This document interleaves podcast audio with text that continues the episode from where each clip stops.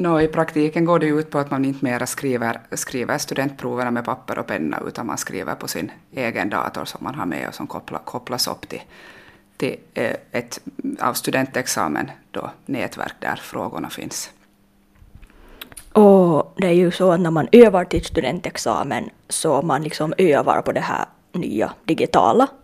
Så hur går det sen? No, här i gymnasiet så har vi nog redan under, under flera års tid att ganska intensivt de senaste fyra, fem åren så har ju datorerna kommit in i undervisningen så att alla egentligen skriver nu sina, sina prov. De flesta prov är digitala också här i gymnasiet och då övar man på liknande, liknande provfrågor och provtyper som sen kommer i student, studentexamen.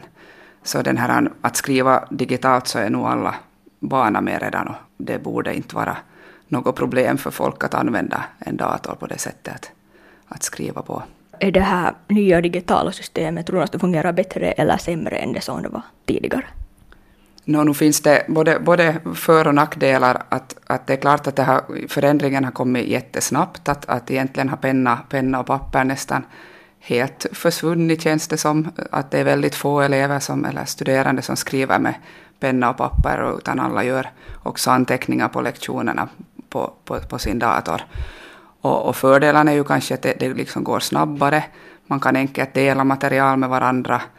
Men, men sen är jag nu själv lite skeptisk till om det alltid gynnar inlärningen att man, man skriver, skriver på, på dator och läser texter också via skärmen. Att, att själv tycker jag att jag, man, man lär sig kanske bättre av att kunna också läsa i, i papper, pappersform och, och göra anteckningar och sträcka under och sådär och använda motoriken via sin hand. Att den, den biten har ju liksom försvunnit nästan helt och hållet.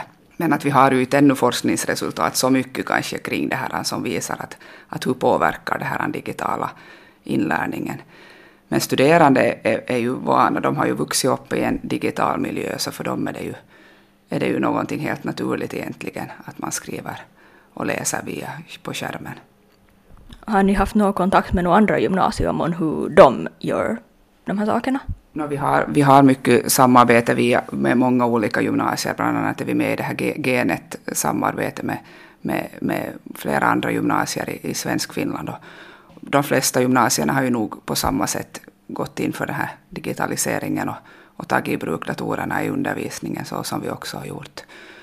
Att sen har man kanske varit lite olika hur snabbt man har, har börjat med det eller, eller hur, när man har tagit i bruk det. Men, men alla gymnasier har ju det här redan att, att studerande har sina egna datorer i undervisningen och också sen i studentskrivningarna har man med sig sin egen dator som kopplas upp. No, man får ju hoppas att när, när studentskrivningarna börjar nu då 17, 17 september så är det ju alltid lite spännande att nog att tekniken sen faktiskt fungerar och att det här serversystemet och, och, och, och det fungerar problemfritt när man tänker att, att det kopplas upp i hela landet samtidigt och så ska det studentexamensnämndens uh, serversystem och, och det här fungera, fungera i hela landet samtidigt att det, är, det är klart att det är lite spännande situation, men att vi har bra samarbete med IT-avdelningen här i stan, så att de, de finns ju också på plats och tillgängliga och, och är de som också bygger upp det här systemet då i gymnastiksalen. Så,